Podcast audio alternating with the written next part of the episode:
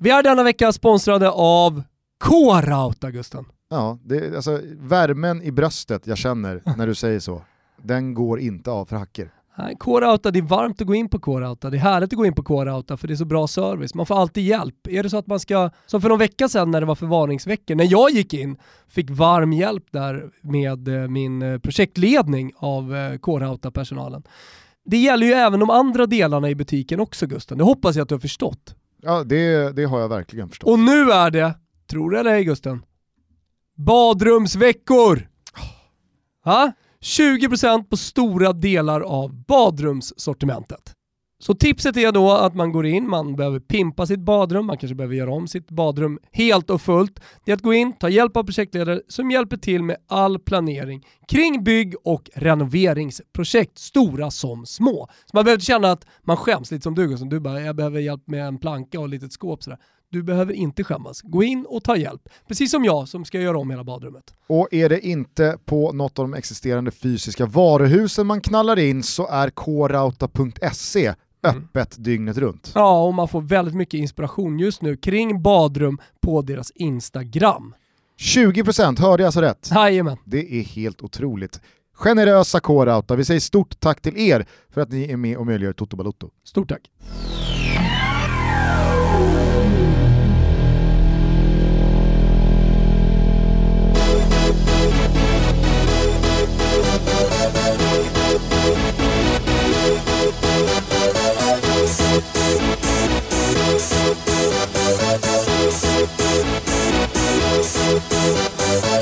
Y'all ready for this? Då säger vi för andra gången på kort tid eh, välkomna till Toto Balotto. Ligastarterna står ju som spön i backen ute i Europa och eh, för några dagar sedan så smygstartade La Liga i Spanien. Jag säger smygstartade för det var en premiärrunda som saknade körsbär, som saknade klang och jubel och klackar i taket. Nu kliver de stora elefanterna in, Real Madrid, Barcelona, Atletico Madrid, Sevilla och så vidare och då, först då, så välkomnar vi Adam Pinitoro Pintorp till studion för att ge oss alla förutsättningar vi behöver. Välkommen! Tack så mycket! Hur är läget? Jo, det är jättebra. Fullt, fullt ös här sedan eh, fotbollen drog igång igen. Det har varit eh, intensiva inledande veckor men eh, sjukt kul att vara igång. Precis som eh, kollega Kristoffer Svanemar så är du kommentator på Simor. Du jobbar primärt med den spanska fotbollen. Håller du med mig eh, i eh, hur jag beskriver den här eh, premiärhelgen som var för några dagar sedan? Ja, jag, jag förstår att folk eh, kanske mer hade fokus på övriga matcher runt om i Europa och att eh, lite besvikelse då med, med tanke på att jag satt och gjorde Valencia Levante som var en jävla supermatch. Mm. Eh, när alla pratade om eh, PSG och M eh, på de eh, sociala kanalerna, framförallt Twitter. Men nej, absolut, det, det, som du sa, det saknades eh, körsbären och det är på grund av att eh, Europaspelet höll på så långt in i augusti och även då Eh, även om Real Madrid exempelvis åkte ur ganska tidigt så fick de dispens i alla fall en, en omgång då att eh, förbereda sig. Hinner med en träningsmatch här innan det är skarpläge till helgen. Och det är ju ett Real Madrid som kliver rakt in i hetluften mot Real Sociedad på Anoeta. Det är Alexander Isak mot Martin Ödegård omgående en match som vi eh, ramar in i Fotbollssöndag Europa som alltså har premiär på söndag på Simors kanaler. Haka på med ett abonnemang på Simor så missar ni ingenting från La Liga eller Serie A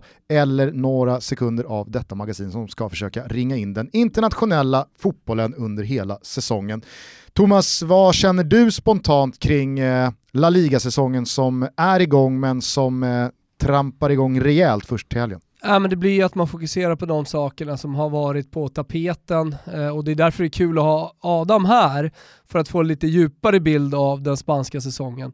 Eh, I och med att jag jobbar väldigt mycket med eh, ja, Barcelona, Real Madrid, Alexander Isak på Expressen Eh, jobbar mycket med den italienska fotbollen och mycket med Premier League och Champions League och sådär eh, i, i min vardag. Så jag har inte riktigt hunnit med att få koll på vad som har hänt eh, med, med de mindre lagen. Men så mitt fokus har ju varit på, såklart på de stora rubrikerna som jag har krönikerat kring, typ Messi och Barcelona. Vad händer där? Det är klart att det ska bli kul att se det. Real Madrid, vad har de gjort egentligen och, och vad går de in i för säsong nu efter de tog ligatiteln? Eh, och samtidigt då eh, så har det ju ryktats jävla mycket kring Madrid och stora spelare men inte hänt så mycket heller de senaste åren. Eh, om Zidane någon gång känner för att liksom rucka på det där lagbygget lite grann. Eh, och sen Alexander Isaks säsong då, jag lägger väldigt lite värde i hans eh, debutmatch. Eh, någon uppmärksammade mig på att det inte blev något mål, men eh, kunde, kunde care less som eh, Christian Borell skulle ha sagt. Eh, och, nej, men, så det, det, det är väl det.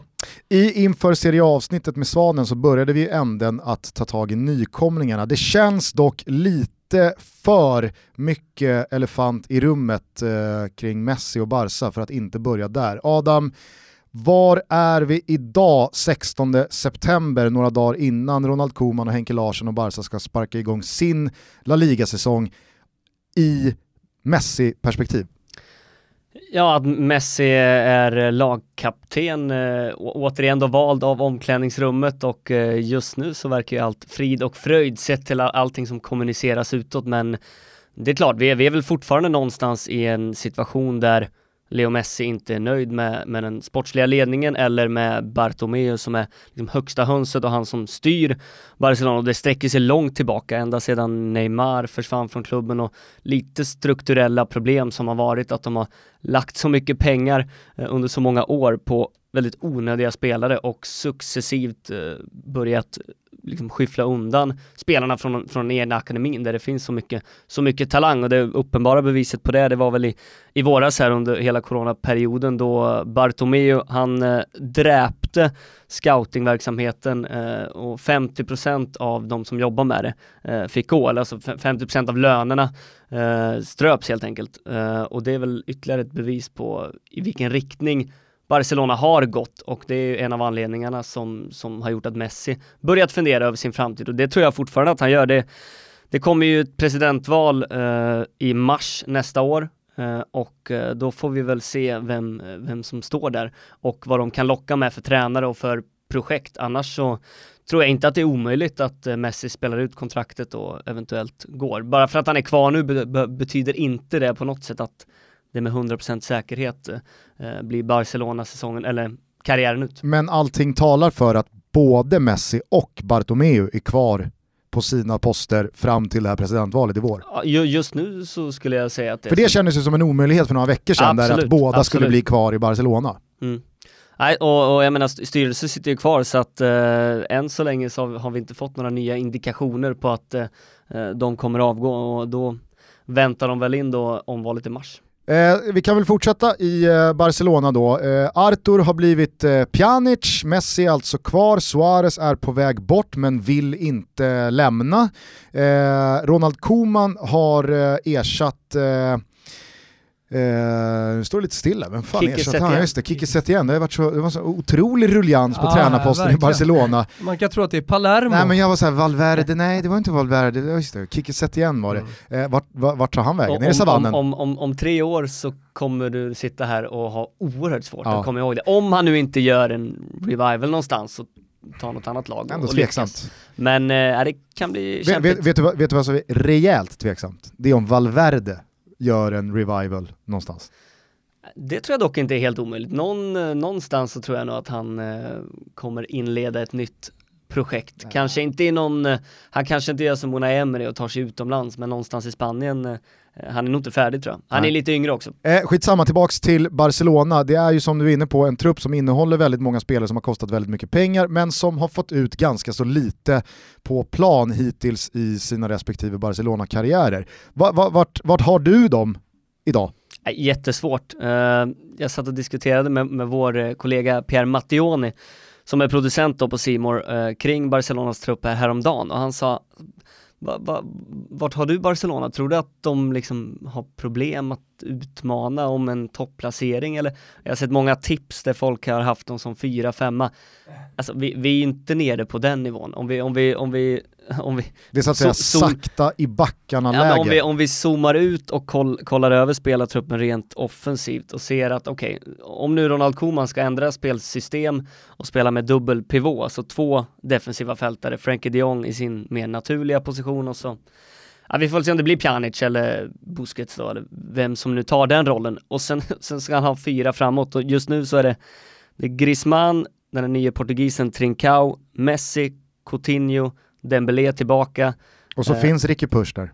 Och så, fin och så finns, finns han där, och Ansu Fati som redan, även på, på internationell nivå, visat att han, Han gjorde mål för Han- Spanien. ja precis, blev yngst eh, någonsin i, i spanska landslaget. Så han, han har väl redan visat att, menar, han, han har stått på tillväxt nu ett år, kanske inte ska ha fullt så stort ansvar att man ska kräva 15 mål av honom, men jag tror att han är tillräckligt bra för att i alla fall vara med och, och utmana och spela allt mer regelbundet även i de stora matcherna. Så det, det är oerhört trångt på de positionerna och då har vi inte ens nämnt några potentiella nyförvärv. Det är väl Memphis Depay som ryktats just nu. Ja, men Eh, som en väldigt slags ersättare åt eh, Till Suarez då. Suarez. Ja, eh, och det är, jag, jag, jag, är inte, jag är inte säker på att han hade tagit en startplats ens. Nej. Men hans bästa roll har väl alltid varit att utgå lite från vänster, så att jag, jag, det är inte omöjligt att Griezmann blir någon form av nia här inledningsvis. Mm. Braithwaite har vi glömt också. Och Coutinho.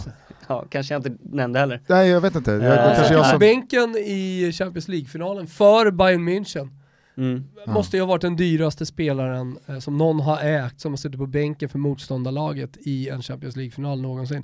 Det kanske inte är så vanligt att det händer Nej, överhuvudtaget. och han kom ju in i, jag menar mot Barcelona i ett tidigare skede, det var väl i semifinalen. Eh, gjorde två mål, en assist. Eh, Kvartsfinalen till och med. kvartsfinalen till och med, just det. Barca slog Napoli, det var åttondelen. Mm. Eh, och att han gör tre poäng, förvisso i en 8-2 match, de hade vunnit ändå, men uh, snacka om att pissa på klubben som, som ändå äger. Ja. Men är, är han tillbaka och tränar med Barcelona? Ja, ja, ja, han, eh, Ja. och det, det som är, det, Trevligt. det, Tjena gubbar! Här är det, var, det, var, det, var, det var märkligt när han första, första dagen, han, han kom ju faktiskt tillbaka tror jag fem dagar innan hans försäsongsträning skulle börja. Eh, det får man ändå ge honom att han är ganska målmedveten om att han vill övertyga Han har alltid Ronald varit väldigt lojal och eh, liksom arbetsvillig sådär. Jag vet inte, han är, Han, han är, är, han är han är den brasse, men han, urtypen, kan, jo, han kanske är inte är urtypen urtypen av brasse. eh, brasse. Det är inte Robinho. Nej. Eh, Om nu det är urtypen av, ja, vad är Robinho? Alltså, vad Robinho är är väl ändå Ja, lite urtypen är väl mer också Adriano, den Adriano typen. skulle jag säga. Edmundo. Fast på vilket, på vilket sätt Du menar ni Robinho att, har mer talangen än Adriano? Ronaldinho. Jo men alltså på vilket sätt menar ni att Adriano eh, och Edmundo skiljer sig från Robinho? För att Robinho är en brasse man inte ska prata om, det är väl det. Alltså Robinho, vem bryr sig om... eh, Det, det är ett namn som, som inte borde finnas i en fotbollspodcast. Han är så dålig. Alltid varit så dålig. Han har varit bra, bra en match någon gång. Ja det har han. Nej, jo, det var har han. då? När då? Han var ju- Säg datum! Han var ju fantastisk ett tag i Real Madrid och sen så tyckte Nej. jag att han bar Nej. ju Manchester City, det nya Manchester City eh, på sina axlar i, i sin var alltså. Var det Milan däremellan eller efter? Nej, efter. Efter. efter. Hur som, Ja. eh, med då alla dessa eh, offensiva pjäser som ska få plats, är det ändå i en 4-3-3 ram med då en triangel centralt med spetsen uppåt som du utgår ifrån att Koman jobbar.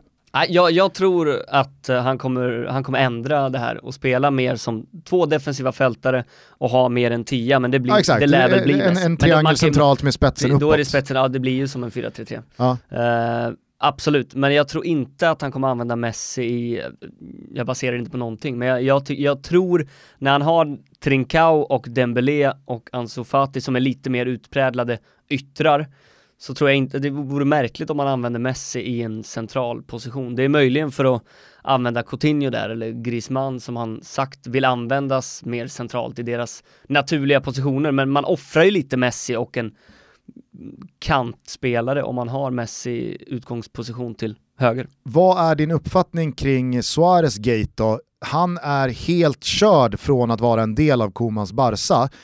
Eller kan det mycket väl bli så att han säger nej jag vill inte flytta till Juventus eller någon annanstans, jag ska vara kvar här. Och när fönstret då stänger, kommer Koman då ta honom till nåder och spela honom som nia? Det är det borde- dessutom det borde ju- svalt borta i Juventus med tanke på att de går för Dzeko ganska hårt nu. Det vore ju helt sjukt. Jag, jag tror att det skulle kunna bli en liten Samuel Eto'o-vändning om ni kommer ihåg sommaren när Pep Guardiola kom in och han sa att nu, nu ska vi rensa och Ronaldinho fick gå, Deco fick gå och han ville att Samuel Eto'o också skulle gå.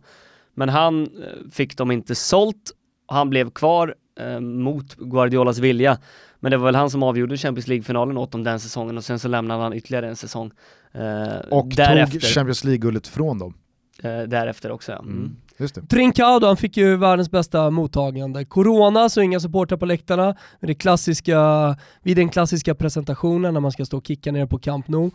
Och mitt i brinnande Messigate. Så det är bara liksom fladdra förbi att det hade kommit någon portugis till, till klubben. Och det är också en portugis som ingen har någon direkt uppfattning om. Jag, jag, jag, jag har sett några klipp, jag såg hans inhopp nu för Portugal när jag gjorde landslagsdebut men det pågick i sju minuter så att jag, det är en vänsterfotad eh, ytter som har gjort det bra i Det känns som att Braga. alla ska köpa unga portugiser just nu. Eh, Ricky Push, kommer han vara en del av Komans bygge tror du? Eller? Absolut, Eh, han kommer vara en del och frå- frågan är väl om han väljer om en lite mer offensiv roll eh, eller offensivt balanserat lag, då finns det väl alla möjligheter att han spelar i en av de två eh, centraldefensiva positionerna på mittfältet eller som ja, tia då. Men eh, det är ganska trångt där uppe så jag, jag, vet, jag vet inte riktigt hur han ska få ihop det och eventuellt med ytterligare en offensiv pjäs. Så att jag, jag tycker redan nu på pappret så har ju Barcelona alla möjligheter att, att vinna ligan.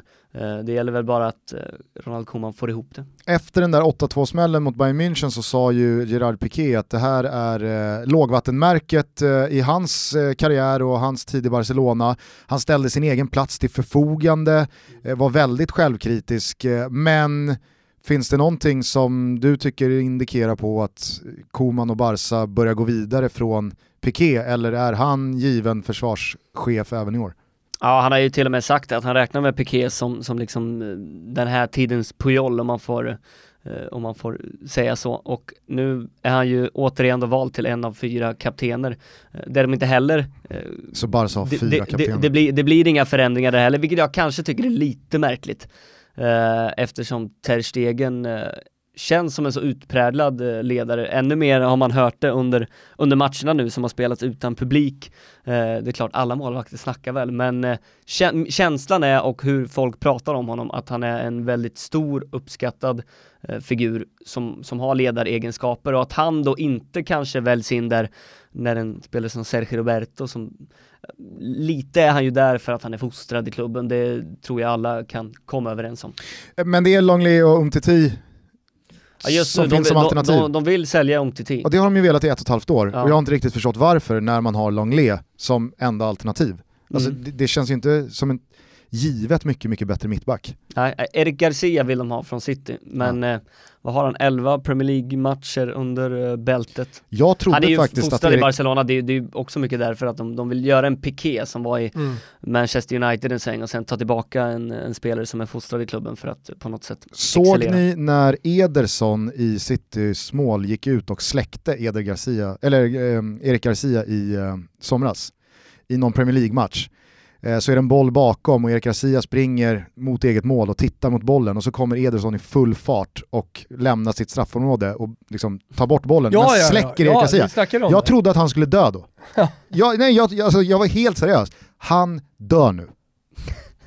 Men... eh, Nej, det var en ruskig smäll, det var helt idiotiskt gjort av Ederson Ja. på något jävla konstigt sätt. Liksom. och han ligger Det var medvetslös. Typiskt målvakter att vara helt jävla dum i huvudet Ja, och, och Ederson står sättet. bredvid och flinar typ och Ja. liksom Ja. slänger lite käft med någon annan lagkamrat medan Erik Garcia ligger och dör Mm. tre meter bredvid. Henke Larsson då, ur, Ja. ett, eh, ur ett svenskt perspektiv så är det ju såklart eh, högintressant eh, att han är en del av Komans stab i, en klubb som Barcelona. Men vad är din uppfattning om vad, vad det här har fått för uppmärksamhet i Spanien? Snack, lite på samma tema då som att Trincao fick sin presentation mitt under brinnande Messi-gate så kom ju, kom ju Henke in i ett ganska prekärt läge. Det måste varit, man vill ju höra i framtiden hur fan det var de här första veckorna i, i Barcelona. Han satt på planet ner och tänkte att nu ska, nu ska han få träna Messi som han själv sagt såg upp till Henke som spelare när, när, när han kom fram eh, och sen så hela den stormen. Men nej, det som är sagt är att han ska ha något offensivt ansvar. Eh, så han ska väl eh, försöka polera de här ungtupparna. Eh, kanske lite skulle jag tänka mig som så här, Thierry Henry hade i det belgiska landslaget under, under en period. Det var väl då de tog brons Mm. väl eh, i Med VM. Roberto Martinez där. Eh, det, det är det jag kan tänka mig, för han är, han är också med eh, Ajax gamla assisterande tränare, är det Scheuer han heter eller någonting i den stilen? Oerhört hyllad, jag vet, jag vet inget mer om honom än att eh, borta i, i Nederländerna är han uppskattad och, och många hyllar honom för att han har varit en stor del att ta fram den här unga generationen med Frankie de Jong och de Ligt och alla. Inte för att nedvärdera på något sätt och vara respektlös mot Henke Larsson, men man kan ju se framför sig när han kommer fram till Messi, offensiv coach, och, ska fila på överstegsfinten. Messi, kommer du hit? Du, kollar lite på din överstegsfint här. Messi har aldrig gjort en överstegsfint. Nej. Han, visst har han inte det? Det är inte det hans hedrar signum. honom, Vet du vad? Det hedrar honom så inåt helvete. Det är inte Alltså, Robinho, det är inte Robinho direkt. Ja, det, är fan kna- knappt att uh, Henka har gjort det heller. Alla ungdomstränare som lyssnar på det här, dubbel överstegsfint ser jag att, att, att det tränas på i ungdomsled. Lägg av. Framförallt så är den dubbla överstegsfinten så överskattad för den innebär att du måste gå Ja, åt det hållet som du fintar först att du ska gå till. Exakt. Antingen gör du en eller så gör du tre. Att göra två, då går du ju åt samma håll som du först fintar försvaren att du ska gå till. Så det blir liksom, du faller på eget grepp. Jag säger det, tvåfotan så, så är det lugnt. Men klassikern är väl Gary Sundgren eh, när, han, eh, när han skulle bänkas i matchen mot, eh, mot Real Madrid. Och han hade, Zaragoza? ja exakt, han hade sugit i sig en flaska vin för att han tänkte att det blir lite skönare att se den här matchen från, från sidan på Bernabéu. Och så skada efter tio och så kommer han in och så har han Figo på kanten. Men då gjorde han ju alltid dubbelöverstegaren. Eh, Så han bröt ju rätt många av de där en mot en situationerna, fick ju högsta betyg i marka dagen efter. Eh, jag skulle bara säga det Thomas, tror inte du som jag att Ronald Koeman, det går att säga mycket om honom som tränare och hans eh, CV, men Det känns går det, också att inte säga någonting. ja, men känns det inte som en tränartyp som kan ide- identifiera problemet att folk springer runt och hoppas på att Messi har en bra dag och faktiskt understryka det gentemot dem att ni andra måste fan komma upp i nivå. Vi kan inte ge bollen till Messi varenda gång och, och tro att det ska vara lösningen. Nej, men framförallt så måste man ju kolla på var han kommer från för fotbollskultur, vad det är för, eh, för människor, för före detta fotbollsspelare, vad han är uppvuxen med. Och, eh, sen kan man ju då tänka det som Adam är inne på, här, pratar om pivoter och, och 4-2-4 och ganska offensivt lagt lag. Så finns ju ändå någonstans i alla holländare totalfotbollen och kollektivet som någon slags eh, grund i allting. Och ja, men, om man tar Erik Hamrén på ena sidan när han var i svenska landslaget och liksom Zlatan, han ska göra allt. Och sen kanske det som har varit i Barca nu på senaste tiden på samma sida, att eh, det är väldigt mycket Messi som ska avgöra, så tror jag de- definitivt att Ronald Koeman ser mer till kollektivet och att det är flera spelare i Barcelona som kommer kanske lyftas då individuellt och sen även kollektivet med det eh, under honom. Det är ju många som skrattar lite åt Ronald Koeman när han kommer nu. Eller skrattar, man rycker lite på axlarna, man tar det inte riktigt på allvar. Framförallt så ser man väl inte att Ronald Koeman ska lyfta Barcelona till några nya höjder. Jag, jag tycker Nej, att vi ska, trän- vi ska få låta... tränar-CV osar men- ju inte toppklubb liksom. Nej, och, å andra sidan så uh, osar inte Zinedine Zidans uh, tränar-CV. Nu försöker jag inte jämföra deras situationer på något sätt, uh, sådär. Men, det, men det är en sak att vara i Barcelona tror jag och en sak att vara i alla andra klubbar. Jag tror att man passar, att, att alla tränare på något sätt har en plats. Alla duktiga tränare, alla som är på absoluta toppen, har en plats någonstans. Kanske är det så att Barcelona passar eh, Ronald Koeman helt perfekt. Jag, vet tror att eh, Barcelona kommer må bra av att ha en Koeman som tränare som kommer från en holländsk fotboll som också är väldigt präglad av systematik och att alla, Exakt. alla roller har sina uppgifter och så vidare. och så vidare. Men det jag tror jag bygger min skepsis kring eh, i, i Koeman som val, det är ju att det, liksom, det finns... Det Han är finns holländare. Nej men det finns ingen röd tråd i hur Barcelona verkar tänka. Det är, det är Valverde åt ena hållet och det är Kike Setien åt andra hållet och sen så är det Ronald Koeman åt ett tredje håll som då ska arbeta med en trupp som är byggd för en Valverde som sen, alltså, som sen Kik Setien ska sätta någon prä... Alltså, du vet, Och, och att det här kontraktet verkar vara mer, mer åt ett 1 plus 1 kontrakt än ett tvåårskontrakt. Det signalerar ju ganska tydligt att du ska in här och släcka en brand för nästa presidentval så kommer någon och vill Xavi in så kommer han in. Eh, vi börjar bli långa kring Barcelona, vi ska gå vidare eh, till de regerande mästarna Real Madrid. Men oavsett hur många frågetecken som eh, finns att reda ut nu så ser du det som helt otänkbart att Barcelona slutar utanför topp två. Ja, Mm. Ja, det fanns ändå någon slags tvekan jag, jag, men- jag trodde du skulle säga utanför topp 4 eller något sånt, men nej, topp 2, nej det är helt otänkbart. Det är klart skulle, alltså, Real Madrid får väl hålla som favorit eh, och får Atletico full träff så är det väl inte helt omöjligt att de, att de ger sig in i striden, men eh, att Barcelona inte har någonting med en titelstrid att göra ser jag som otänkbart ändå. Vi är denna vecka sponsrade av A Days March och det känns extra roligt ett sånt här avsnitt eftersom vi gästas av Adam Pintorp som sitter här dressad från topp till tå i A Days March grejer. Ja, det är roligt. Du sa det, för jag sitter ju i A Days March eh, byxor. Mm. Vad är, vad har du för, vet du vad det är för material i det där eller? Ingen aning faktiskt, men de är inhandlade för ett par dagar sedan, tillhör väl den nya, det är deras nya kollektion här, Ja, lag, lagom exakt. till eh, mysiga hösten och vintern. Ja men det är, det är annars väldigt mycket höstjackor. Allt eh, från lammull, kashmir Gusten, det gillar du. Det gillar jag. Var det inte en liten röd fläck på, eller hur? Merinoull, hoodies och eh, så vidare. Alltså det är höstigt och jävligt mycket snygga grejer. Bor man i Stockholm så tycker jag att man gör rätt i att besöka deras butik på Kungsgatan. Ja. Annars så är adaysmarch.com ett annat hett bud. Ja, det är väl egentligen det bästa eftersom vi liksom når ut till hela Sverige. Just nu också butiken på Kungsgatan på nummer 9 eftersom de håller på och bygger om. Det ska bli en ny fräsch butik på deras ordinarie adress.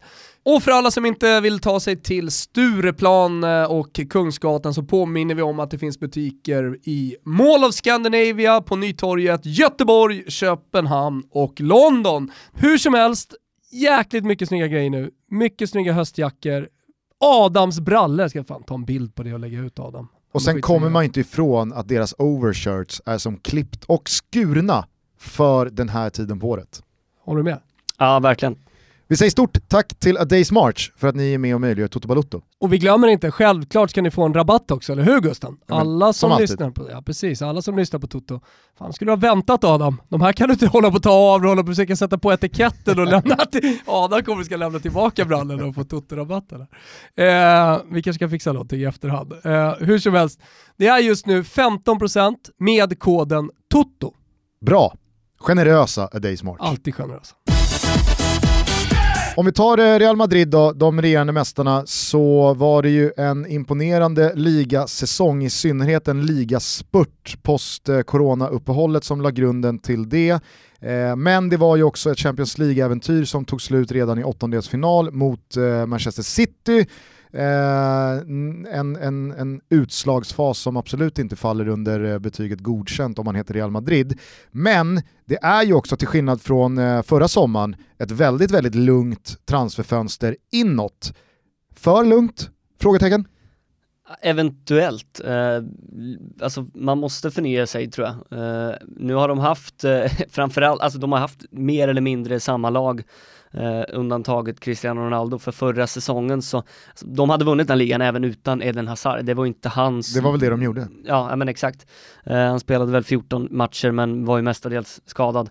Eh, så att eh, det, det har inte hänt så mycket. Eh, det är väl att man kan se Eden Hazard och möjligen även Marco Asensio som, som två form av nyförvärv, men framförallt att Ma- Martin Ödegård ska in och på allvar tror jag konkurrera på det där mittfältet. För eh, alla rapporter säger ju att eh, Zidane ringde honom personligen efter förlusten mot eh, Manchester City och sa att vi, han presenterade en plan för hur han ville använda honom. Och framförallt också med komprimerat spelschema under de här märkliga omständigheterna så tror jag definitivt att det finns en plats för Mart- Martin Ödegård. Det kommer bli så mycket matcher och Luka Modric Pusha 36. blir inte yngre. Även om han gjorde en väldigt bra avslutning ska sägas så eh, kommer han inte orka spela varje match. Dessutom så har de ingen konkret eh, backup till Casemiro. Så då kommer ju Toni Kroos eller Valverde få spela i den rollen och då öppnas då eh, ytterligare en position då, eller en roll för Martin Ödegård. Så att han, han är ju som, ett- som ett nyförvärv absolut, men eh, där tar det ju stopp. Hur eh, slår vågorna på Benzema-havet Thomas? Ja, men jag tycker att eh, det är dels medvind i den här båten och sen så flyter vi med vågorna, vi får dem inte i ansiktet så att säga. Utan eh, det, är, det är en riktig pansarkryssare. Snackar om en av världens absolut bästa nior. Kanske den bästa, rent ut sagt. Men är det inte lite väl tunt i de centrala offensiva leden? Alltså det, en, det enda problemet Real Madrid har egentligen, det, det är ingen, ingen backup på högerbackspositionen, men där, där kan man ändå komma undan med att spela ut en Militao eller en Lucas Vasquez. Men det stora problemet och det stora frågetecknet det är ju just vad händer om Karim Benzema går sönder och ska han spela två matcher i veckan från september till Han pushar maj? 34, så att Eh, Ja, Luka Jovic finns fortfarande där men eh, har ju Jävla hyllat nyförvärv för ett år sedan. Var det till och med så att det var hyllat av eh, Adam Pintorp? Nej, det var av mig. Jag tror att jag det, slog fast att Luka Jovic och eh, eh, David Luiz du, till ja, Arsenal ah. kunde mycket väl ha varit sommarens bästa värvningar. Mm. Så, fel, så fel man fick där. Mm. Nej men eh, förväntar du dig då att det händer saker eh, sista nej, veckorna? De, de har ju sagt här, eh, både, både Florentino Perez och hans högra hand med kanske det mest spanska namnet någonsin, han heter väl José Angel Sanchez tror jag som, som springer ärenden och, och hjälper till där eh, och Perez vägnar, men att, att, ingenting kommer ske nu. Eh, det, det, spekuleras ju redan eh, i de spanska tidningarna om här, Operation 2021 och då är det Mbappé eller Haaland och Kamavinga som som är de stora eh, huvudmålen. Kamavinga, spolingen från Rennes eh, och eh, Mbappé var ju ute och snackade här eh, i, i, i helgen. Jag tycker att på flera håll känns som att det är ett litet coronauppskjut på värvningar ja, generellt sett. Eh, och Real Madrids fall eh, tror jag nog, om det hade varit ett normalt år med EM, hade i alla fall värvat in någon. Man släpper eh, av allt att döma, om vi ska tro Fabrizio Romano idag, eh, Region till eh, Tottenham hade väl inte så mycket att hämta konkurrensmässigt dock i Real Madrid. Så det är Han är ju mycket bättre än vad Marcelo är. Ja absolut, men, men, men, men där, där litar det är väl ändå en bedömningsfråga från Zidane. Att... Ja, och han framförallt också när han ska vara så tydlig backup. Eh, men det har varit jättebra och är ja. bättre defensivt än Marcelo. Om, om brassen accepterar en roll att spela, du kommer gå in och spela kanske 15 ligamatcher och är helt okej okay med det och med hans status i truppen som som en av ledarna, då, då kanske det är bättre än att ha en Regulon som vill spela 38 matcher och, och utvecklas. när du säger att det saknas en tydlig backup eh, på högerbacken, eh, alltså, varför släpper man Achraf Hakimi då till Inter för i, i relativa mått mätt ganska lite pengar? Alltså, man kan ju se det som att det är lite pengar för en spelare som är så pass bra. Eller så ser man det som en spelare som aldrig knappt lirat en A-lagsmatch för Real Madrid och nästan får en halv miljard. Det är också bra business. Absolut, det är bra business, men ur, ur, ur truppbygget så sitter du ändå här och säger ja, vad, vad, var saknar man uppbackning? Bland annat högerbacksplatsen. Mm. Mm. Klassisk ja, Real Madrid, de fostrar spelare och sen så säljer de dem. Men skulle man vilja ha honom mm. om två år, vad gör Real Madrid då? Då köper de honom. Det var som man gjorde med Carvajal, eh, för han, han, släppte man ju permanent först och Regilon ska väl också bakas in någon mm. återköpsklausul. Nej men så åter bara kort då kring Hakimi. Mm. Jag tror mycket handlar om att han, han är van att spela in i ett helt annat system, att han ses inte riktigt hålla defensivt för att spela i en fyrbackslinje utan han ses mer som en högerving och där behöver de honom inte. Där kommer han ju spela i Inter. Alltså, ja, perfe tre, perfekt tre, för, ja, för ett kontesystem. Liksom. Ja, 3-5-2-aktigt, 3-4-2 att... Det som skulle bli Vinicius Junior blev Rodrigo. Eh, är, är, det, är det den, eh, är det den eh, hierarkin vi går in i 2021 med? Eller är Vinicius Junior tillbaka som någon slags första val bland ja, the next big thing? Först, först, alltså första vändan så var det ju Vinicius och sen så hoppade han ju in, eller hoppade in, men gjorde hattrick mot Galatasaray, Rodrigo, och då prydde han ju alla rubriker i typ två veckors tid eh, i Marca. Och Sen gjorde han några mål i ligaspelet men lyfte aldrig riktigt. Sen gjorde ju Vinicius en riktigt stark vår måste man säga och framförallt så imponerade han ju i de viktiga matcherna. Han hoppade in, gjorde en avgörande prestation i derbyt mot Atletico, gjorde mål i El Clasico eh, och sen en ganska bra avslutning även om han fortfarande bränner sjukt mycket och mm. är alltså jävla oslipad eh, när det gäller beslutsfattande så han har ju någon, någon annan spetskompetens i och med sin speed och sitt eh, utmanande spel eh, att ta sig förbi en motståndare som jag inte riktigt ser hos Rodrigo. Han är duktig på annat men just nu så Vinicius etta. Med allt detta sagt då så kan vi i alla fall konstatera att Real Madrid floppade i Champions League-spelet men tog tillbaka ligatiteln. Blir det omvänt fokus nu? Att Real Madrid vill tillbaka till eh, toppen av Europa och så kan man ta en andra plats eller en tredje plats i ligan och det är inte hela världen givet att man vinner Champions League. Eller vill Zidane eh, påbörja en, en svit här av ligatitlar till huvudstaden? Alltså de vill väl vinna allt. Det, det, det finns nog inget uh, antingen eller utan... Uh... visst, det, det köper jag officiellt. Mm. Men så som det såg ut under Champions League-vårarna eh, för några år sedan så vet vi alla att ja, det var ju ett Real Madrid som sket fullständigt i mm. hur långt ifrån man släppte sig Barca i ligan. Ja, jag, jag tycker det är, det, är, det är svårt att även sitta här och spekulera i vad de helst hade gått för, kanske Champions League då. Mm. Eh, hur ställer de mot varandra Vilka är favoriter enligt dig? Jag tycker Real Madrid ändå går in som, som favorit för att de känns oerhört eh, stabila. Frågan är, som du var inne på, frågan är om det varit lite för mycket harmoni och lite för mm. lugnt på transfermarknaden. Det brukar ju vara lite alarmerande, jag minns för vad var det nu, tre, tre år sedan Neymar eh, lämnade och Valverde skulle komma in i Barcelona och må många trodde att nej, men nu, nu, nu är det Real och Atletico som kommer rycka där uppe i toppen och Barcelona det, det, det ser inte alls bra ut och Messi kommer snart vilja dra. Nej, då vann de ligan med typ 10-12 poäng ändå. Uh, så att uh, Nej, lite alarmerande just för att det har, det har känts så bra på förhand. Men innan vi vet och innan vi har sett någonting av Ronald Komans Barca så det känns svårt att måla upp Barca som favorit också med tanke på hur det, hur det trots allt sett ut på senaste tiden. Så Real eh, får väl gälla som favorit tycker jag. Eh, Thomas, eh, har du någon tydlig favorit hos dig? Ja, jag, jag, jag, håller med Adam. Eh, återigen så kan man inte sätta Barcelona som favoriter i det här läget. Dels med tanke på att Real Madrid vann förra säsongen och känns så stabila som de gör. Eh, oavsett eh, nyförvärv eller inte. Eh, Zidane känns också som en eh, tränare som har lyckats att liksom förnya laget trots att det inte har hänt så mycket. Det har ju varit lite av hans strategi också ska man säga.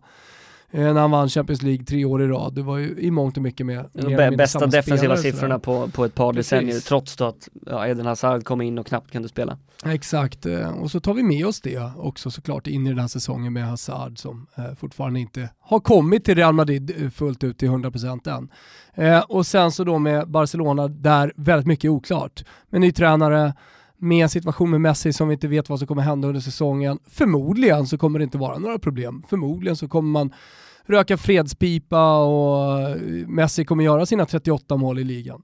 Visst. Men eh, för mycket som är oklart för att inte sätta Real Madrid som, eh, som favorit i alla fall. Eh, just nu så hade det varit eh, på sin plats och fullt naturligt att eh, prata om Atletico Madrid, men det ska vi inte göra Sonny, utan en av de andra stora elefanterna i La Liga-rummet den här sommaren, det har varit Valencia och det kaos som har rått där. det är säkert många som lyssnar på det här och har sett i förbifarten att det är uppror och kaos i Valencia, men så vill man inte spela dum vid kaffeautomaten och, och, och ställa en fråga, så då gör jag det åt er. Va? Adam, ge oss en kort recap på vad fan det är som har hänt i Valencia. Ska vi först då bara backa till eh, 2014 när Peter Lim eh, köpte upp den här klubben. De, de, det fanns ju ett konkurs, konkurshot över Valencia. Så Peter Lim, en svinrik affärsman från Singapore, köpte upp Valencia och där och då Alltid så... lurigare än kineserna och många andra, just Sing Singapore, Singapore-folket. Mm. Va, va? Singaporianerna. Ja, du, du. Och, ma och Malaysia. Du körde sarg ja, Malaysia är också luriga. Alltså jag tar hellre en indonesier än en malaysier. Malaysia är shady också, men Singapore kanske är värst av alla. Det är ja, många indonesier som också varit luriga. Det är mycket byggnader i, i Singapore utan namn på företagen. Eller så är det så holdingbolag som bara står, där, där det sitter jävligt ja. lurigt Me folk. Meriton Holding, det är Peter Lims bolag. Mm. Nej, men när han köpte upp den här klubben, då var det ju snack om att nej, men vi, vi vi har ambitioner att bli Spaniens Manchester City och, och vi, vi har alla förutsättningar sett till stad, sett till historia. Eh, och det såg väl okej okay ut till en början, även om det inte blev någon jättesatsning. Stora problemet är att det går, det går att investera till en början men sen så måste man placera ut rätt folk på rätt platser för allting handlar inte om att de, de, de ska sälja en klubb till en person med mycket pengar utan någonstans så måste man också ta rätt steg. Om vi bara jämför dem med Manchester City som värvade in i princip hela Barcelona eh, för tio år sedan eh, och, och, byggde allting kring, kring deras eh, struktur. City tog Pep, Peter Lim tog Gary Neville. Ja, ungefär. Det, ja, men den, den, eh, den tränarrekryteringen sa väl ganska mycket om var kompetensen eh, låg någonstans mm. i Valencia, vilken nivå den var på. Att okej, okay, eh, i det här läget, i den satsningen ni gör, att rycka Gary Neville oprövad från Sky Sports-studion, mm. ja, Ja, de Men det var de väl ganska bara... mycket Jorge Mendes eh, och hans gubbar i början också? Ja, det var, det var oerhört shady när de framförallt värvade från Benfica. André Gomes var ju värvad för en summa pengar rent officiellt, eh, men, men ägdes aldrig riktigt av Valencia utan ägdes av någon mellanpart. Holding- så där är det- som, som, som, en del i hela Jorge närmare på Mendes allting eh, Jorge. Mendes gör så är det ju sådär hela tiden. Det är mycket mellanparter som äger. Som Men all i skit som varit då, vad var det som eskalerade i somras? Nej, det, det, det, här, det här har ju pågått under eh, ganska många år och finansiellt så har de körts i, i skiten helt enkelt. Så att i somras när de missade Champions League och Europa League och satt på en ganska dyr spelartrupp eh, så var de tvungna att från, jag tror det var 183 eh, till 80 sett till spelartruppens värde då. Och det är Alltså i också, lön. ja, blir- exakt. Och Prata om eh, löneberget. 183 är otroligt högt för att vara Valencia. Och även då eh, anledningen till att de har, det har varit loppmarknad i Valencia. Jag menar de har skeppat sin kapten eh, gratis till grannrivalen Villarreal och Coquelin som också är rutinerad och en okej mittfältare för tror jag 8 miljoner euro. Sen och i de, fallet Dani Parejo som alltså är kaptenen Adam pratar om, så var det väl dessutom så att man inte ens, alltså, det, det, det var han väl fick ingen, inget farväl. exakt, det, det, var inget, det var inget bra breakup. Nej. Även om han hade bara, han hade positiva saker att säga till, liksom, till fansen. Han gjorde en exit på ett, på ett okej sätt utifrån hans perspektiv.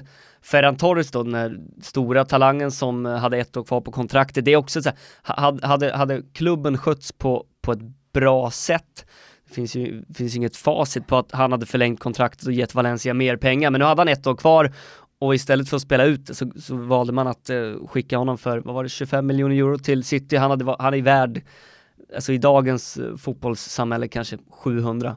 Eh, så att eh, det, det är en bra spelare City får och eh, Valencia blir inte så mycket rikare. Han var ju oerhört eh, tydlig och ärlig i, eh, i sitt avskedstal eh, mot alla egentligen i. Framförallt Parejo väl?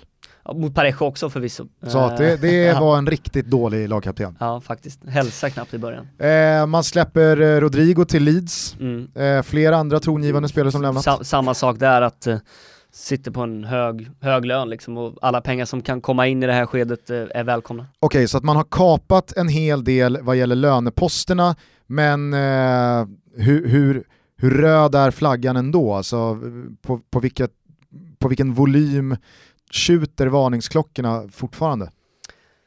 Ja men det, det, det är Eller är klart. Valencia fine nu? Nej, alltså så här, när, när, eh, när Peter Lims dotter eh, lägger ut en bild på Instagram och eh, skriver eh, Valencia Club de Fotboll is ours, eh, you can do nothing.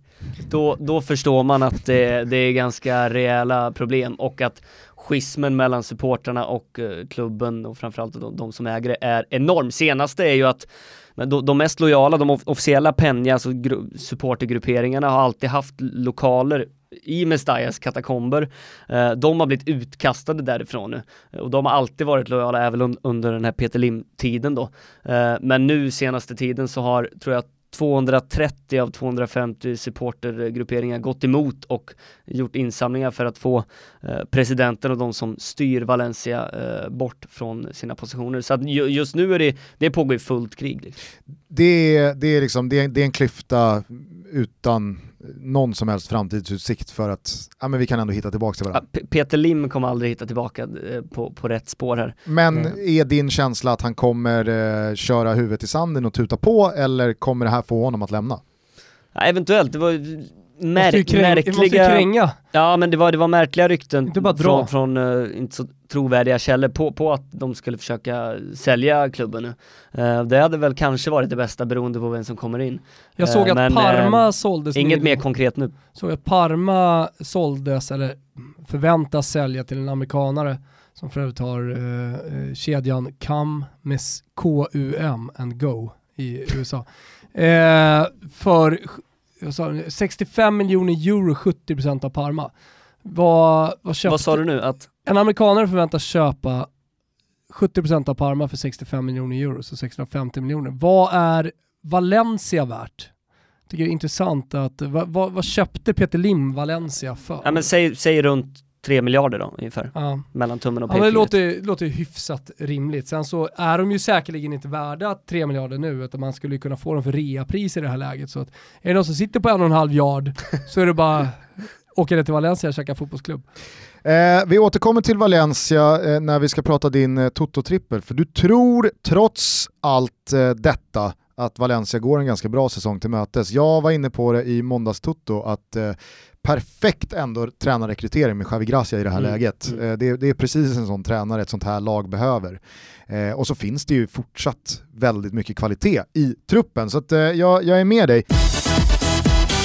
Vi är denna vecka sponsrade av våra vänner på Kristoffer Klås, där Rivierans flärd möter den danska och nordiska stilrena designen. Men som ni vet så har eh, den här eh, perfekta kombon nu kryddats med Tom Bradys eh, atletiska superstjärn-touch. Ja men det är det, han har gjort en egen kollision borta på Kristoffer Klås. Vad fan är det vi pratar om tänker någon här? Jo det är glasögon. Både solglasögon och blue light-glasögon. Ja exakt, blue light, eh, man får inte ont i huvudet när man kollar på skärmar. Plus att man vill vara lite snygg då, om man eh, inte har något synfel och vill ha glasögon. Ja, då kan man tjacka de snygga bågarna från Christopher Claes och slippa huvudvärk och trötthet när man kollar på skärmar.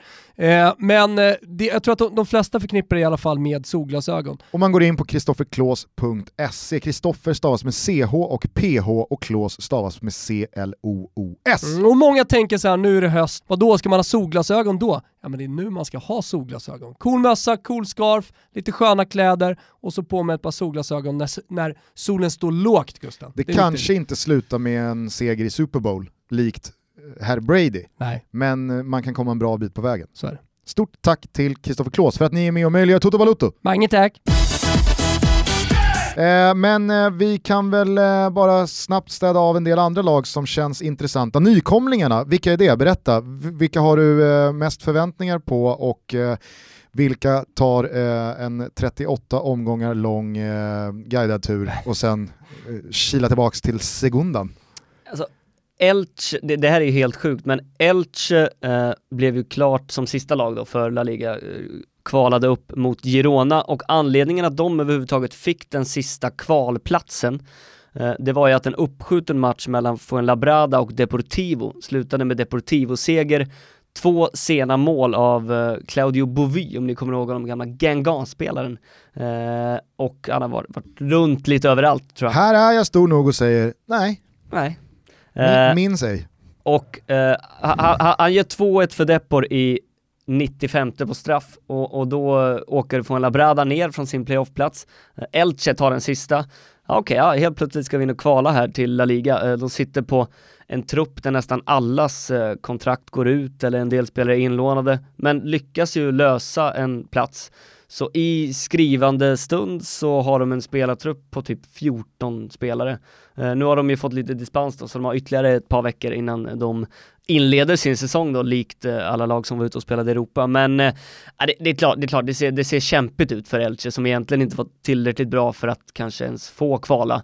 Uh, Nej, det, det, det, är, ja, det, är ett mirakel om de löser det. Jag pratade lite med Patrik Mörk om Elche för att eh, vi hade bestämt träff eh, på eh, arenan den här säsongen för att gå och kolla på Segunda och jag har sett fram emot att se lite Segunda, jag har aldrig gjort det. Han bor där i krokarna eller? Han bor i krokarna kring Liberty Kitchen, om du har varit i Alicante så vet du ungefär var. Eh, men då blev det eh, La Primera istället, lite ledsen över det ska jag säga. Det mm. lät också som att Mörk var lite bedrövad över att Elche hade gått upp. Ja, de har fina, fin arena där. De har det, eller hur? Ja, den är ganska stor, typ 30 000. Det är någonting som stör mig med det här jävla orena som eh, spanska förbundet håller på med, med sådana här dispenser. Barca fick någon dispens och tjacka Braithwaite eh, trots att fönstret hade stängt. Det, det, så här, ja, det, det, där, där flög ju Leganes och här får Elche. Vad fan, det är väl ganska tydligt vad det är som gäller, vad det är för datum man har att förhålla sig till. Mycket...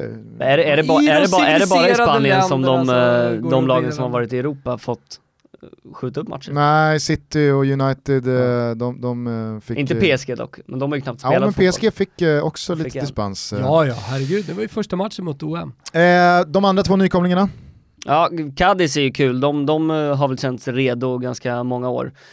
Trist såklart nu under de här eh, omständigheterna att de inte får spela inför publik, för det, det är ju ett lag som har haft otroligt stort bortafölje. Jag skulle tänka mig att de har större bortafölje i alla fall hälften av lagen i La Liga. Det säger inte jättemycket för det finns inte samma kultur att åka till bortamatcher, men det säger ändå någonting om Cadiz och att det är en klubb nere i södra Andalusien som, som har en ganska stor eh, supportergruppering. Eh, så det, det, är kul med ett, eh, kul med ett gula. supportlag. Ja, gula. Kanariefåglar. Mm, jag tror... det är Las Palmas Jo jag vet, men, men de är också Kanariefåglar. okay. De är långt ner i södern, det är liksom havet, sen är det bara rätt ut. Så ja, det är på Gran Canaria, så, så träffar du Kviborg på, i Las Palmas. Mm. Och så dyngar du ner och så sitter du i en jävla spansk fyllecell och sen så är allting kört. Elche, Cadiz och Oesca. Oesca.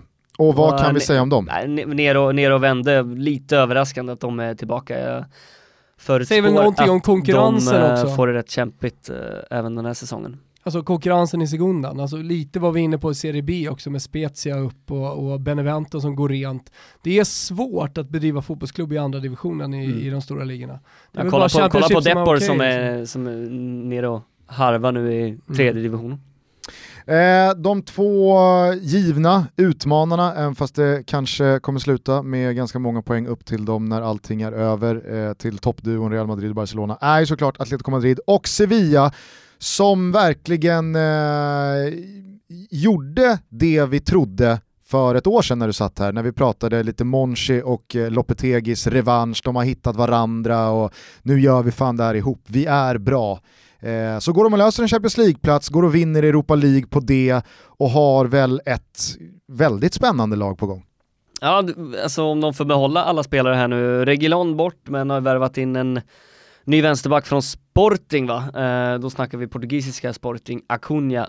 Ingen koll på honom men de har lagt en del pengar på honom så att han ska in och, och konkurrera där. Eh, får de behålla resten av backlinjen med Navas, Koundé och Diego, Carlos så, så ser ju det väldigt bra ut för där någonstans la de ändå stabiliteten och grunden tycker jag. Och, och de visade ju upp till skillnad från tidigare Sevilla-upplagor en mycket mer stabilare eh, approach och eh, stor del av framgången var ju att de faktiskt eh, lyckades ta poäng och vinna på bortaplan och inte läckte som såld. De har ju tidigare, tidigare varit väldigt så centrerade till att ta sina poäng hemma på Ramon Sanchez Pizjuan. Jag tycker fan Ever Banega kanske spelade sitt livs fotboll i somras. Ja, det var, det känns Eh, precis som Santi Cazorla gjorde så känns det lite trist att de redan nu ska, ska säga tack och hej till den absoluta toppfotbollen. Banegas, det kändes som att han hade ett VM i sig eller att Cazorla skulle kunna spela EM nästa år. Äh, oerhört eh, trist att han valde den här vägen. Var, var eh, hamnar han? Ja, det är väl Saudiarabien för eh, Banega i alla fall. Alltså fan, det unnar man honom ändå. Ja, jag tänkte precis säga det. Jag tror du skakar på huvudet och skulle säga något negativt.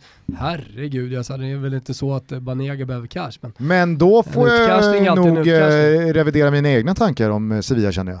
Eller har de eh, Nej, då, hittat då, någon slags ersättare till honom? För nej. det är inte en spelare som det finns fyra av i en trupp. Nej, fast ersättaren är ju Ivan Rakitic, eh, så han är ju redan på plats. Rakitic är tillbaka och, ja. Ja, jag, minst lika bra tror jag, och Fan. även då... Monchi, Monchi han har han koll. Löser, han löser. Och även eh, en favorit eh, som jag vet eh, till dig, eh, Oscar Rodriguez, som de har eh, värvat in permanent faktiskt från Real Madrid. De har väl återköpsklausul såklart. Fan vad bra han är Monchi alltså. Ja. Men eh, det är också Sevilla, en ja. oerhört ja, intressant Fast där, fan vad bra han är, så då kan han komma till en pissklubb i Italien. Sen satt han i kostym och mössa i Roma. Och... Ja, och då menar jag inte att Roma är en pissklubb för att jag på något sätt har andra lagsympatier, utan jag säger det för att han kom dit när det var kaos med Totti, det var kaos med Palotta, ja hela jävla stan var väl en kaos i Kaos med Spalletti. inte minst och kaos med Spalletti. Eh, så med det sagt, han kom till en pissklubb. Nu har han helt andra förutsättningar. Men då Oscar Rodriguez är eh, den otroligt eh, fina spelaren som huserade i Leganes i fjol. Eh, vi kan väl garantera tre kandidater till årets mål därifrån? Ja men jag har ingen annan kandidat på bäst i ligan på liggande boll. Nej. Han är otrolig frisparksskytt uh, framförallt. Och även, även då tar, gick in direkt och tog en del fasta här när, när Spanien spelade Nations League. Så det, redan där har de ju en del poäng att hämta. Atletico Madrid då, Diego Simeone trummar vidare med detta bygge som eh, inför i fjol genomgick en generationsväxling. Mm. Man släppte några av sina stöttepelare från eh, det senaste decenniet. Eh, man eh, satsade en del ungt, man satsade framförallt väldigt mycket pengar i Joao Felix. Vad, vad, vad ger du egentligen Atletico Madrids fjolårssäsong för betyg? Man pikar ju när man slår ut regerande mästarna mm. Liverpool mm. i Champions League åttondelsfinalen, men sen så tycker jag att man gör en slät figur mot Leipzig och i ligan så var det, det var varken bu eller bä. Nej, imponerande sommar att de trots, de var väl femma tror jag när, när det drog igång igen, att de sen med, med, med distans ner till Sevilla och det, ja, det var ju Getafe som då var med och utmanade, Eh, ändå löser en tredje plats på ett, på ett ganska konsekvent och säkert vis tycker jag var imponerande, men de hade behövt gå i alla fall ett steg längre i Champions League för att kunna kvittera ut mer än godkänt betyg. Nu, nu blev det, ah, det blev lite, äh. Mm. Eh, vad, vad reagerar du på i eh, truppförändringarna inför i år? Ja, jag tror inte att de är klara än, för de måste få in eh, en anfallare. Vi får väl se om det blir Diego Costa eller Alvaro Morata som tar eh, dörren ut, för jag tror inte att båda kommer bli kvar. Eh, spekulerats lite kring Edinson Cavani som det inte verkar bli, spekulerats lite kring Luis Suarez. Hade kunnat bli en David Villa när han lämnade Barcelona, gick till Atletico, de vann ligan eh, säsongen 2014. Eh, då jag, var vi där! Jag, jag tror, ja då var vi där. Och rökte eh. gräs. Vad fick ni? Uh, ja, vad sa du? Tappa tråden. Ja, vad sa nej, du? Nej men och jag tror att Luis Suarez hade blivit en perfect match eh, i ett Diego Simeone-styrt lag. Eh, jag förutsatte nästan att eh, Thomas Partey skulle lämna. Ja. Han är kvar. Han är kvar. Överskattad eh, Överskattad enligt Thomas, men tycker du att laget är tillräckligt bra för att på allvar utmana? Om de får in en eh, spelare som garanterar minst 15 mål så tror jag det.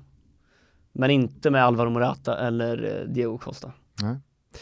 Eh, vad säger du Thomas? Alltså, jag, jag ser inte Atletico Madrid hota men, men Real Madrid och Barcelona. Vad sa du? Ja, men tack för ordet. Ja. Eh, det är klart de inte kan hota. Det säger sig självt. Däremot så tror jag att de gör en bättre säsong eh, den här säsongen. Jag tror att det kommer vara mer längre, men eh, i slutändan så har de ingenting med titeln att göra. Alltså det, jag vet inte vad det är, det är någonting med Atletico Madrid där jag börjar känna att det, liksom, det går svagt, det kommer aldrig gå snabbt neråt. De har, de har placerat sig på en tillräckligt hög hylla Exakt. för att även om han skulle lämna så mm.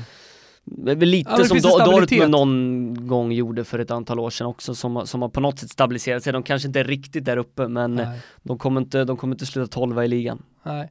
Sen tycker jag att det är fint att Diego Simeone håller på med sin egen lilla Ferguson-tid eh, borta i, att, i, i Madrid. Det var ju så jävla mycket snack om Inter ett tag och han själv kände som att han flörtade en hel del också med den italienska ja, fotbollen. Både Inter och Lazio har han väl sagt, eh, framförallt Lazio. Att ja, han, han pratar ju öppet om det men, det men, på något sätt känns det som att han kommer bli kvar i Atletico Madrid tills han eh, blir krum, gråhårig och är liksom 64 bast. Och man tänkte, vad fan hände egentligen med Diego Simeone? Han blev kvar i Atletico Madrid. Och de kommer alltid håller på att pendla mellan fjärde och andra platsen. Eh, men det blir aldrig mer någon, någon ligatitel, utan det kom där när vi var i Barcelona, du och jag Adam. Eh, nej, så att jag tror så här, väldigt, väldigt små överraskningar kring, kring, kring Atletico Madrid, men jag tror att eh, eh, Felix kommer ha ett bättre säsong. Alltså, ja, det, det, han var skadad lite också. Kom aldrig in i säsongen väl. Nej, och jag, jag, jag kände när jag när jag liksom såg honom att han många gånger var lite för bra för sitt eget lag. Ah, jag, jag tror att han känt, varför skrev jag på för det här laget? Jag, jag, vet inte om han hade gjort sin research eller han kanske inte hade så många andra alternativ. De hostade upp ett ganska fett kontrakt till honom också. Men, eh, men när, när Atletico ska ställa om och han har Alvar Morata som slår bort varje väggspel så kan jag tänka mig att vad, vad fan är Vad är det här? grejen med Alvaro Morata? Jo, det är att han slår bort alla väggspel. Nej, men så se, och så ser man honom nu när, när han är i Nations League då, har Bernardo Silva och Bruno Fernandes runt sig. Alltså det, det, är det är en spelare som jag fortfarande tror kommer tillhöra världstoppen i ett decennium men eh, han har ingen lekkamrat liksom eh, i, i Atletico Madrid. Han är lite för ensam.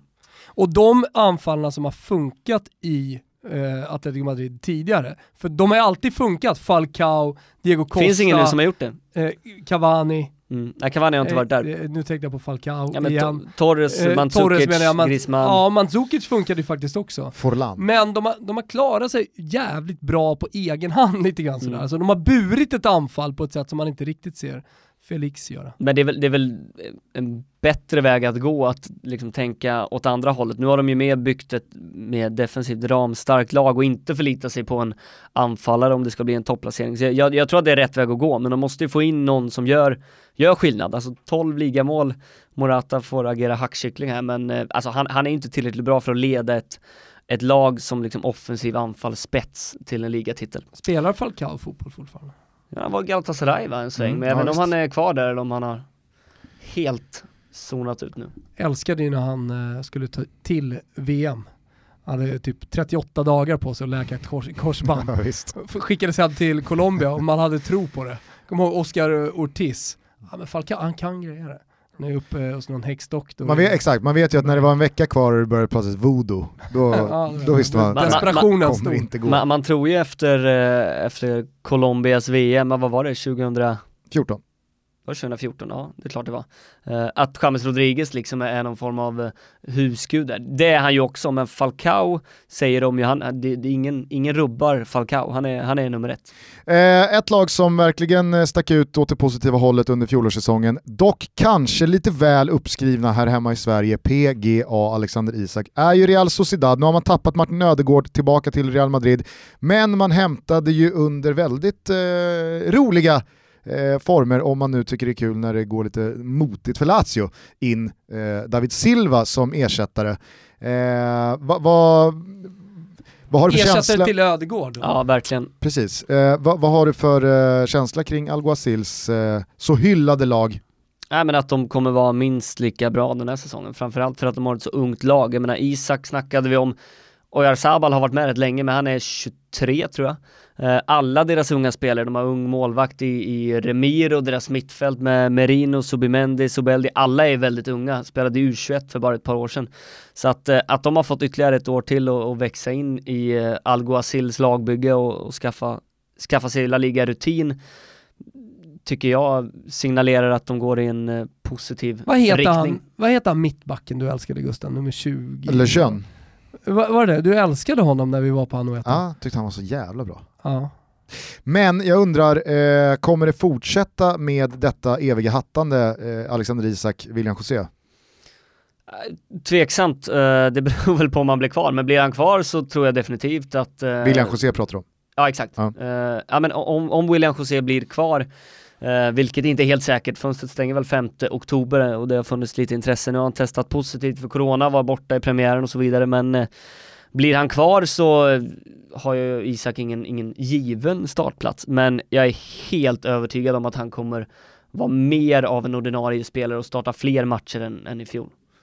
Det är, Eh. det, det är trots allt han de har investerat pengar i och sedermera ska sälja. Jag menar William José, ja, han, Han är 30 nu eller? Ja, alltså det, det säger sig själv. Känns som att han borde gå till Cagliari. Mm, Känns som en rimlig destination för William José. Partykompanjon med Nangolan kanske. Ja. Ja, visst. Det är, det är fullt, fullt rimlig adress. Eh, jag tycker det ska bli spännande att se Real Sociedad eh, i Europa League, alltså hur de väljer att vikta laget. Eh, de, de vill ju verkligen åt det där Europaspelet och nu har de det. Är det där fokus kommer ligga eller blir det någon slags rotation och så prioriterar man ligaspelet? Who Jag tror, jag tror de kommer satsa ganska hårt på Europaspelet. Alltså, glädjen Mm. när Isak försöker liksom korka upp någon eh, flaska champagne där i omklädningsrummet efter att de löste den där sjätteplatsen, tycker jag ändå säger någonting för en sån klubb att ja, men nu, nu lyckades vi med vår stora målsättning och det, och det var att nå Europa. Så att, ja, jag Ja, tror men de det, kommer det, satsa gäller ju alla de, det gäller ju alla klubbar som inte är för stora för Europa League. Ja.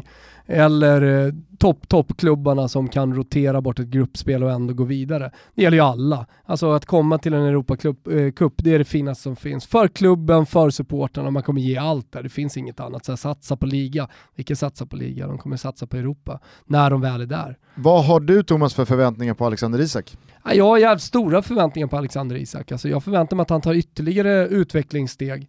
Jag förväntar mig att han startar mycket mer som Adam är inne på. Men vi ska också komma ihåg att nu finns det ett Europa också. Det finns, Mm. ja, Copa del Rey förra året då var, ju- var ju bara, men nu är det alltså på tre eh, fronter som de eh, tidvis i alla fall, eller periodvis under säsongen ska, ska eh, Han tävla kommer ju minst starta en match i veckan. Exakt, eh, men att det då är också matchen som man fokuserar på. Eh, och det ska bli jävligt kul att se honom i Europa måste jag säga. Att spela de här Europa League-matcherna. Och det har, han, det har han verkligen förtjänat. Men lite mer jämnhet förväntar jag mig från honom. Bear in mind att eh, Real Sociedad alltså ska spela en cupfinal också mot eh. Bilbao. Eh, Är den fastslagen till när?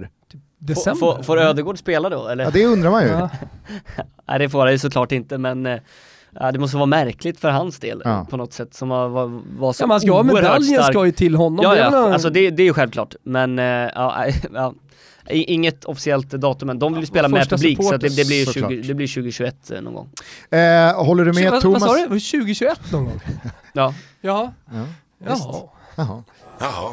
Eh, håller du med Thomas i hans förväntningar på Isak eller har du några andra? Nej, jag är helt, helt enig och även, eh, nu kanske inte bara ska centrera till ligaspel, för jag, jag tror också såklart att de kommer satsa hårt på Europa och där kommer han nog kanske starta ännu mer, men, men eh, 15 ligamål är väl inte helt omöjligt att han eh, når upp till. Vad gjorde det- han för förra Ni, säsongen? nio landade Ja, han på. det, han hade ingen bra eh, efter coronaform heller. Nej. Eh, så eh, det flög inte riktigt. Han, han var ju sitt, så jävla tråkigt, var ju sitt livsform i matchen mot Real Madrid och sen i, i derbyt då, baskderbyt på Anoeta. Ja. Och så kom eh, corona och sen efter det, må, många spelare som inte riktigt kunde eh, nå upp till eh, sin normala standard. Liksom. Eh, jag tänker eh, så här avslutningsvis att jag ställer lite enkla frågor eh, kring säsongen som stundar, så, så får du hålla lite kort för att vi, vi har varit igång här i över en timme snart. Eh, Getafe och Bordalas, eh, är, det, är det slut nu? Eh, det tror jag. Eh, ska jag genomgå någon generationsväxling där, värvat en del ungt. Det är väl spännande men eh, nej, det, blir, det blir inget utmanande om Europaspel tror jag inte. Unai Emery och Villarreal, hur högt kan det flygas? Alltså överlägset bästa fönstret som, som något lag har gjort. De har lagt 25 miljoner euro och fått in Parejo, Coquelin, Takekubo, den här spännande japanen då som lånat in från Real Madrid och nu senast idag eh, när vi spelar in det här eh, eh, Estopinian, jag vet inte om ni har koll på honom, han var i Osasuna i fjol men Var han också i Guingamp för några år sedan eller? Han är från Watford va?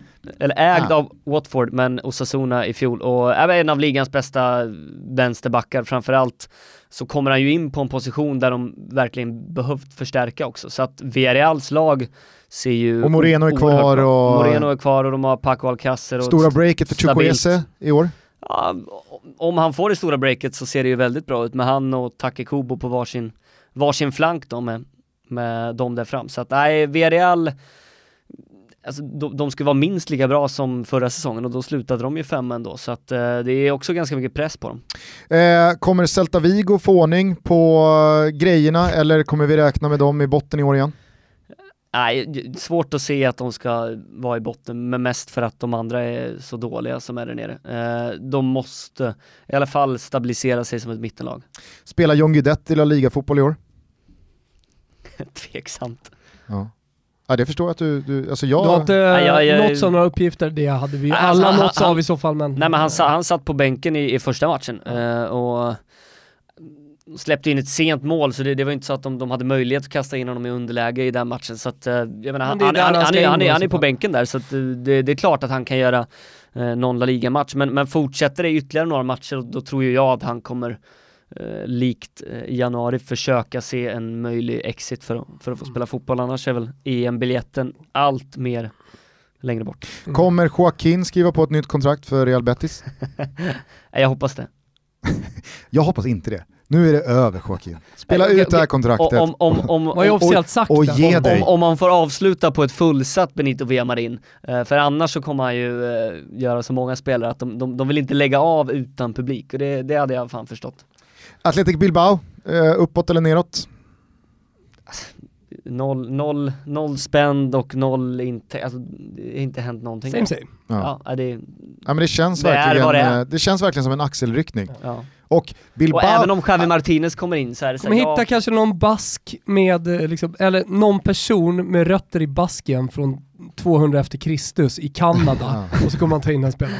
Det kommer menar, vara helt okej måste faktiskt också, här, men man- inte göra succé. man vet och att- Kanada har ju en fransk region så Ja, men såklart. Athletic Bilbao kommer ju, alltså så här, de kommer puttra på, ligga 11 och så kommer de sälja Iñaki Williams. Ja. Eh, och så har de liksom cashen tryggade för ytterligare fyra år. Ja, Av- Cashen har de, de har ju hur mycket pengar som helst, så de hade ju kunnat värva någon, men eh, det finns väl inga spelare som dels kanske vill gå dit om de inte har någon uppenbar koppling dit. Eh, ge oss tre spelare att följa lite extra under eh, den här säsongen. Uh, Ander Barnechea i eh, Real Sociedad, Alexander Isaks eh, kompis där fram, Yt- Ytterligare en bask. ytteranfallare, ja. Eh, absolut, det hör man ju på namnet. Ja. Eh, oerhört bra, alltså, teknisk, eh, svårfångad lirare som har, många har pratat om honom väldigt länge, men nu tror jag att han kommer, trots konkurrensen med Silva och Jarzabal, Janusaj, så tror jag att han mer och mer kommer bli en eh, startspelare. Det är, ja, håll ögonen på honom. Mm. Eh, några andra? Uh, vi nämnde oss, ja, okej, okay, vi, vi, en spelare som vi inte har nämnt då, apropå uh, Valencia, är väl Kang In Lee. Uh, sydkoreansk spelare, 19 år, offensiv fältare som det har ju varit ändå ganska trångt på de offensiva positionerna. Nu kommer han få chansen där med Gonzalo Guedes och company. Väldigt fin vänsterfotad lirare som jag tror kan få sitt genombrott. Två assist i premiären också. Och någon till eller ska vi nöja oss där? Uh, nej men alltså håll, håll lite ögonen på Oscar Rodriguez, uh, för han kommer smälla in en uh, fyra, fem bollar den här säsongen som, uh, som du var inne på kommer uh, vara uppe och kandidera som uh, årets mål. Det ska bli kul att se honom i, i ett liksom, spelförande bättre lag också. Uh, ja, det ska bli skoj. Hur låter det när det är Sevilla-derby och du välkomnar eh, de svenska tittarna till eh, Simor? Eh, vad, vad säger man då? Då säger man eh, Buenas noches och välkomna till Ramon Sanchez Pizjuan. Fina Ramon Gusten. Ja. Eh, sista frågan alltså vi har, när badar vi i Biscayabukten? Ja, när, när du vill. Jag väntar på, på att bli tillfrågad. På att Klara går. Då har jag alltså två jag resor. Jag ska ner och se Elche med Patrik Mörk, jag ska bada i Biscayabukten med, eh, Pat, eh, med Patrik, med Pinitoro. Ja. Biscayabukten, och, det, det, det är då uppe vid Basken vi, vi snackar det, Du, Pinitoro och Patrik Mörk i en nakenbadsrumba. Först ska vi på Liberty Kitchen. ja. eh, då kanske ni som sitter och lyssnar på det här tänker, ah, Fan vad surt att ni bjöd in Pinitoro efter att säsongen hade kommit igång, således så blir det ingen långtidstrippel borta hos Betsson. Vad säger vi till dem Thomas? App, app, app. Det där löser vi såklart, såklart. ändå. Under godbitar och boostade odds på Betsson så finns Pintorps långtidare och den lyder som följer. Joao Felix över 11,5 mål. Eh, det är ett par bollar mer än i fjol, men vi hoppas väl också att han är betydligt mer fit for fight den här säsongen. Ja, många kanske höjer på ögonbrynen, vadå 12 mål, det är inte så mycket, men han gjorde bara hälften förra säsongen, men eh, jag spår i alla fall att han lite li liksom Antoine Griezmanns eh, första session eller första säsong i Atletico uh, blev utbytt mycket, det tar tag att liksom acklimatisera sig till Diego Simeone. Nu kommer han bära den där offensiven och 12 mål ska han väl pytsa. Andra benet i denna trippel är att Eibar åker ur. Det lät på dig som att nykomlingarna kommer vara där och hugga på nedflyttningsplatserna också, men varför eh, dömer du ut Eibar? De har tappat sin eh, självklara poängspelare Oriana de senaste säsongerna och ett par andra av sina mest rutinerade spelare och inte fått in så mycket. N någon gång får det fan vara nog, alltså det, det är overkligt att de har klarat sig kvar så här länge. Eh, det är magkänsla, men också att de har, att de har tappat ett par, tre nyckelspelare som, jag, som, som gör att jag tror att det, det, det är tack och hej nu för Eibar. Slutligen så tror du att Valencia tar över 53,5 poäng. Det är alltså fler än förra säsongen. Då stannade man på 53, således så tror du alltså att eh, trots denna högdramatiska och kaosartade sommar så har Valencia en bra säsong att gå till mötes. Ja, framförallt för att förra säsongen var ju dels eh, fiaskoartad sett till eh, spelarmaterial och sett till hur många poäng man tog, men då hade man också ett Champions League-spel som man, man gick vidare från gruppen, satsade väldigt hårt på det. Nu har man eh, Xavi Gracia in, eh, mycket sämre spelarmaterial, men också ganska många unga spelare som, som jag tror kommer ta chansen. Och har man bara ligan att fokusera på, jag tror att eh, Valencia, kanske inte tabellmässigt placerar sig så mycket högre upp, men jag tror att man tar fler än 53 poäng, för det, det, det ska historiskt eh, inte alls vara, vara några konstigheter för Valencia. 12 gånger pengarna får man på den här långtiden Thomas, vi ryggar. Skojar du? Jag ryggar allt som Adam säger. Tänk på att ni måste vara 18 år fyllda för att eh, spela och upplever ni att ni har problem med spel så finns stödlinjen.se alltid öppen. Vi säger stort tack till Betsson för att ni är med och möjliggör Toto Balotto mm. är så snälla att ni erbjuder långtidsmarknader även fast säsongen är igångkickad. Stort, stort tack. Med det sagt eh, Pinitoro, har vi glömt någonting eller är det bara att göra sin lilla macka, slå in den i eh, plast och eh, bänka sig framför tvn Glöm och inte nötterna heller. käka La Liga i 38 omgångar? Ja, det, det är det jag kommer göra i alla fall på uh, Ingmar Bergmans gata eller på Tegeluddsvägen. Det är lite oklart vart vi sitter och kommenterar men uh, det blir väldigt komprimerat och nej, det ska bli sjukt kul. Vad har vi, vad har vi för matcher i helgen som man hör dig i? Ja, vi, Real Sociedad, Real Madrid blir, blir min huvudmatch i helgen. Mäktigt. Ja. Och du kommer ju dessutom figurera en hel del i Fotbollssöndag Europa, som jag programleder. Mm. Kul! Det ska bli ruskigt jävla roligt. Ja. Härligt! Eh, så att, eh, det är bara haka på oss eh, borta på Simor. Oss hör ni igen eh, nästa vecka Thomas. Jajamän, då är det måndags. Mm. sprängfyllt som vanligt. Ja, det kommer vara sprängfyllt, det kommer hänt en massa grejer. Vi har Real Sociedad, Real Madrid tar ner. Vi pratar inte mycket om den första spanska omgången, kommer säkerligen prata lite mer om den eh, på måndag eh, och sen, ja fan, Serie A startar. Eh, vi har eh, Premier League fullt igång. Mm. Vi får dessutom eh, nytt besök.